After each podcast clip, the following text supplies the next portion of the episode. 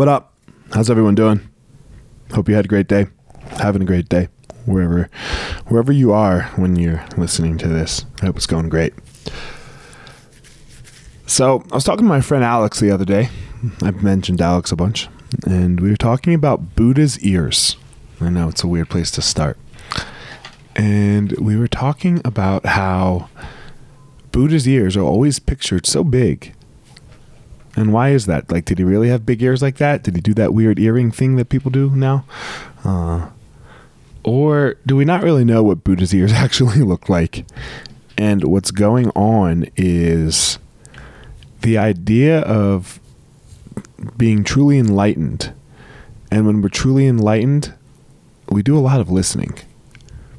And we do a lot of listening with the intent on listening it's a problem that we have sometimes now is that we listen for the intent of responding rather than the intent of really listening to what that person has to say.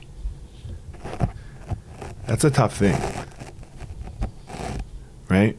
To when you when you're discussing with someone to not to not be just sitting there waiting for to waiting to make your point.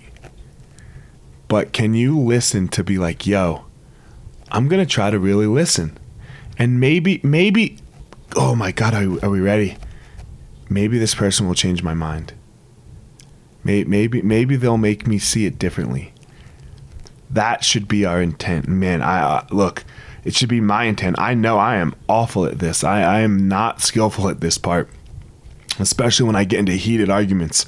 I want to be like, "Yo, you need to listen the fuck up right now." You know, hurry the fuck up with your with what you're saying, so I can I can get. It's my turn. I got to switch that.